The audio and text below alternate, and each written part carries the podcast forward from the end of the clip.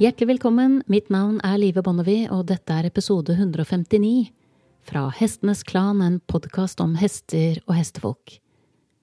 Awareness is the greatest agent for change, sa Eckhart Tolle, og det forekommer meg at han har rett. For hvordan skal vi kunne endre noe vi ikke selv ser klart eller er bevisst på? Jeg tenker det alltid er første steget, å bli bevisst i mangel av et bedre ord. For vi har faktisk ikke et presist norsk ord for awareness, som egentlig beskriver en tilstand som befinner seg i området mellom bevissthet, oppmerksomhet og klarhet. Jeg tror det nærmeste jeg kommer, er å kalle det sanselig oppmerksomhet. Og det er dette som er temaet for dagens episode.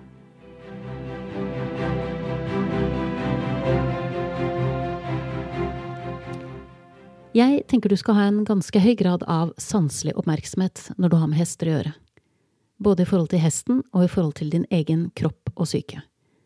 For bare hvis du har en høy grad av sanselig oppmerksomhet, så vil du være i stand til å lese hestens stillfarende språk. Jeg snakker om det språket som kommer i spill på mange ulike måter lenge før vi får det vi kaller for problematferd. Jeg har den siste tiden, om det er tilfeldig eller ikke, på ulike måter blitt kontaktet av folk som tror de snakker det språket jeg prøver å være en slags ambassadør for på denne podkasten. Men hvis det språket jeg snakker om, kan kalles en mild hvisking, så er språket til flere av de som har kontaktet meg, i beste fall et språk som snakkes med veldig store bokstaver. Noen ganger ropes det til og med, men de er ikke nødvendigvis klar over det selv.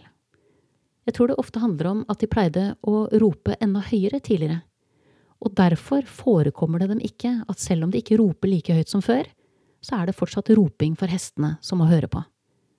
Det handler dypest sett om kultur, har jeg tenkt, eller kanskje også ukultur. For jeg tenker at det er en ukultur når vold og skremming av hester er allment akseptert som en legitim vei for å oppnå resultater.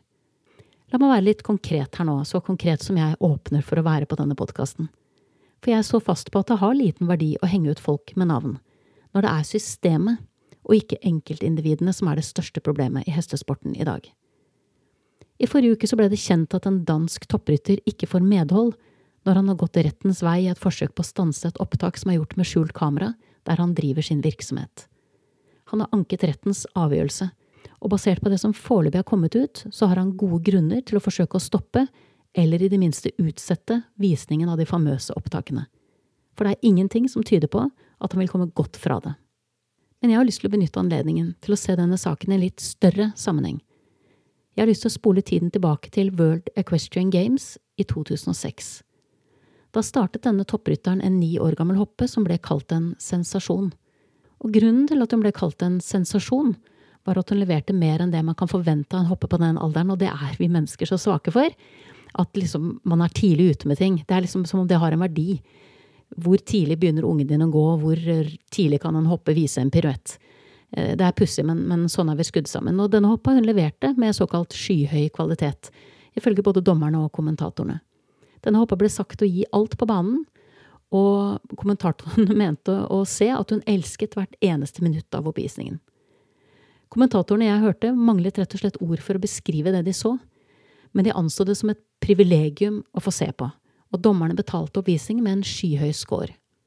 Det er veldig mange ting det kan være fristende å ta tak i etter å ha sett denne ekvipasjen, som handler om klassiske prinsipper, og hvor dressursporten holder på å rote seg bort. Men den diskusjonen er det mange som er mer kompetente til å ta enn meg. Jeg har i stedet valgt å ta for meg en ting som hører til på min hjemmebane, men som ingen la vekt på, verken i kommentatorboksen eller hos dommerne, og det var hestens hale, som fortalte en helt annen historie enn de panegyriske kommentarene som blant annet refererte til oppvisningen som dans eller poesi. Jeg legger ved en link til den aktuelle videoen på bloggen min som du finner på livebonnevie.no. Og det du vil se hvis du ikke har sett den før, det er jo en hest med en hale som pisker frenetisk, ikke bare fra side til side, men en hale som slår hele veien rundt. Rett og slett en hale som gjør ganske mye ut av seg. Jeg tok et veldig grovt overslag der jeg må innrømme at jeg la godsiden til, og da talte jeg rundt 300 slag med halen i løpet av de seks minuttene det tok å ri programmet. Det er ikke ett slag med halen i sekundet, men det er ikke langt fra. Men når man hører kommentatorsporet og ser poengscoren, så er det som om halen ikke er en del av hesten. Den er ikke verdt en eneste bemerkning. På sosiale medier derimot så gikk jo diskusjonen høyt allerede i 2006, og jeg var blant dem som mente at en hale som dette, det får du bare hvis hesten er trent under det vi i vår verden kaller for utilbørlig press, og hvis du har krysset grenser som ikke bør krysses. Men jeg husker det var mange som tok til orde for at å piske med halen på denne måten, det var normalt for hester, og da særlig for hopper. Men er det sant? For at denne episoden skal gi mening, så fordrer det en begrepsavklaring allerede fra start. Hva legger jeg i begrepet normalt? Når jeg snakker om normalt for hester, så snakker jeg ut fra hestens perspektiv og hestens natur. For en hest er det normalt å slå med halen hvis den plages av fluer, eller andre levende organismer den ikke vil ha i nærheten av seg. Det er også normalt for en hest å slå med halen hvis den er sint, frustrert eller har vondt. Men hvor mange fluer har man rundt seg? Hvor sint, frustrert eller vondt har man det hvis man trenger å slå med halen sin 50 ganger i minuttet i seks påfølgende minutter? Det er ikke en normal frekvens for en hest. Jeg spoler også denne gangen uunngåelig tilbake til episode én, der jeg tar for meg det jeg kaller for paddock-testen. Og den er ganske enkelt laget for å gjøre det lettere å navigere når man lurer på hva som er normalt og hva som er unormalt for hester som holdes av folk. Hvis den aktuelle hoppa slår med halen på samme måte ute i paddocken når hun står alene, så kan man selvsagt diskutere hva som er normalt for henne på individnivå. Men hun slår ikke med halen på denne måten når hun er alene. Eller hun slo ikke med halen på denne måten, for å være helt presis for hun døde i 2010 en alder av 13 år. Og hvordan kan jeg være sikker på det uten å ha stått og observert denne hesten selv? Jo, fordi det ikke gir mening å bruke så mye energi på å slå med halen hvis du ikke har svært gode grunner for det. Og det vil jeg påstå at denne hoppa hadde. Hun hadde svært gode grunner til å rope tydelig og klart til alle som var villige til å høre. Jeg er ikke komfortabel. Hvorfor hun ikke var komfortabel, er en annen og mye mer komplisert diskusjon enn det jeg legger opp til her. For det dette handler om, det er dypest sett at det er på høy tid at vi diskuterer hvor høyt hestene våre skal rope før det er høyt nok for oss. Jeg har vært på stevner der hester biter etter den som saler dem opp. Der hester drar tennene sine langs metallkanter i boksen mens hjorten festes. Der hester slåss mot rytteren sin, og bitt og sporer med alle midler de har til rådighet. Det er hester som protesterer ris med så stramme tøyler at mulen deres treffer bringen. Og mitt spørsmål er, hvor lenge tenker vi at dette er ting som er akseptabelt å la passere? Tenker vi at det er ok at toppryttere som fungerer som forbilder for unge ryttere, sier at det er normalt at hesten biter en gang imellom, og at hester er sterke dyr som må settes på plass ved bruk av hjelpemidler fordi de ellers blir store og farlige? Mitt entydige svar er nei. Det er ikke ok. Og jeg tenker at hvis jeg hører en topprytter til mene at vold og tvang må til for å lykkes på toppnivå, da bør vi seriøst vurdere å avvikle hele sporten. Jeg vet ikke hvorfor det ikke kommer i spill i hestesporten, men lovteksten er krystallklar på dette området. Det står svart på hvitt at det er forbudt å utøve vold mot dyr, og det står ikke i parentes gjelder ikke hester, selv om man virkelig kan begynne å lure noen ganger. Og når det gjelder den pågående saken i Danmark, der opptaket er gjort med skjult kamera og topprytteren tapte i første rettsinstans, så kan det komme til å gå både vinter og vår før vi ser hva slaget står om. Men i mellomtiden så har jeg en liten liste med forslag om hva vi kan bruke tiden til. En ønskeliste, kunne man kanskje kalle den. Jeg ønsker meg at FI blir fremoverlente i velferdsspørsmål at flere toppryttere blir gode forbilder. At flere trenere fokuserer mer på å trene rytteren også. Og at kunnskapen og interessen for hestens språk og natur kunne stikke ørlite grann dypere i fremtiden.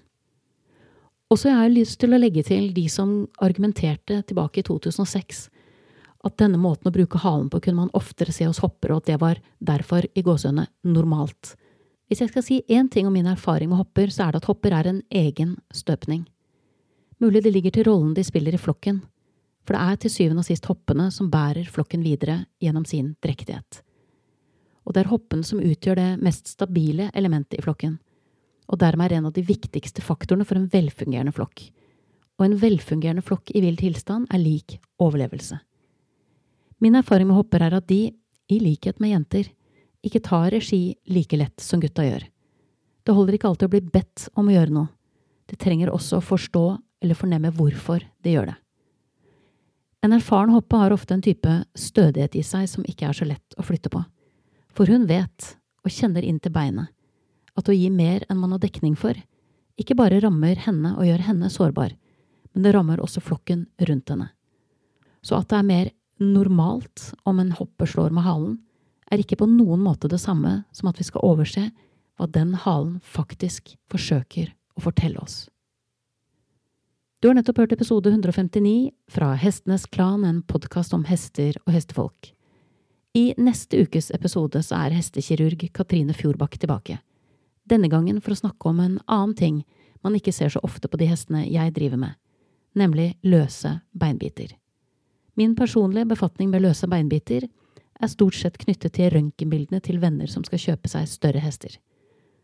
Og disse beinbitene dukker opp på slike bilder stadig vekk. Og som regel vil selger bedyre at hesten aldri har vært halt. Og noen ganger er det slik at alt stemmer. Og hva gjør man da? Signerer man kontrakten, eller gjør man klokest i å lete etter en ny drømmehest? Dette og mye mer får du svar på i neste ukes episode. Og da gjenstår det bare for meg å takke min faste komponist Fredrik Blom, designeren av podkastens visuelle profil, Ove Hals, og sist, men ikke minst vil jeg takke deg, kjære lytter, for tålmodigheten. Måtte hesten for alltid være med deg.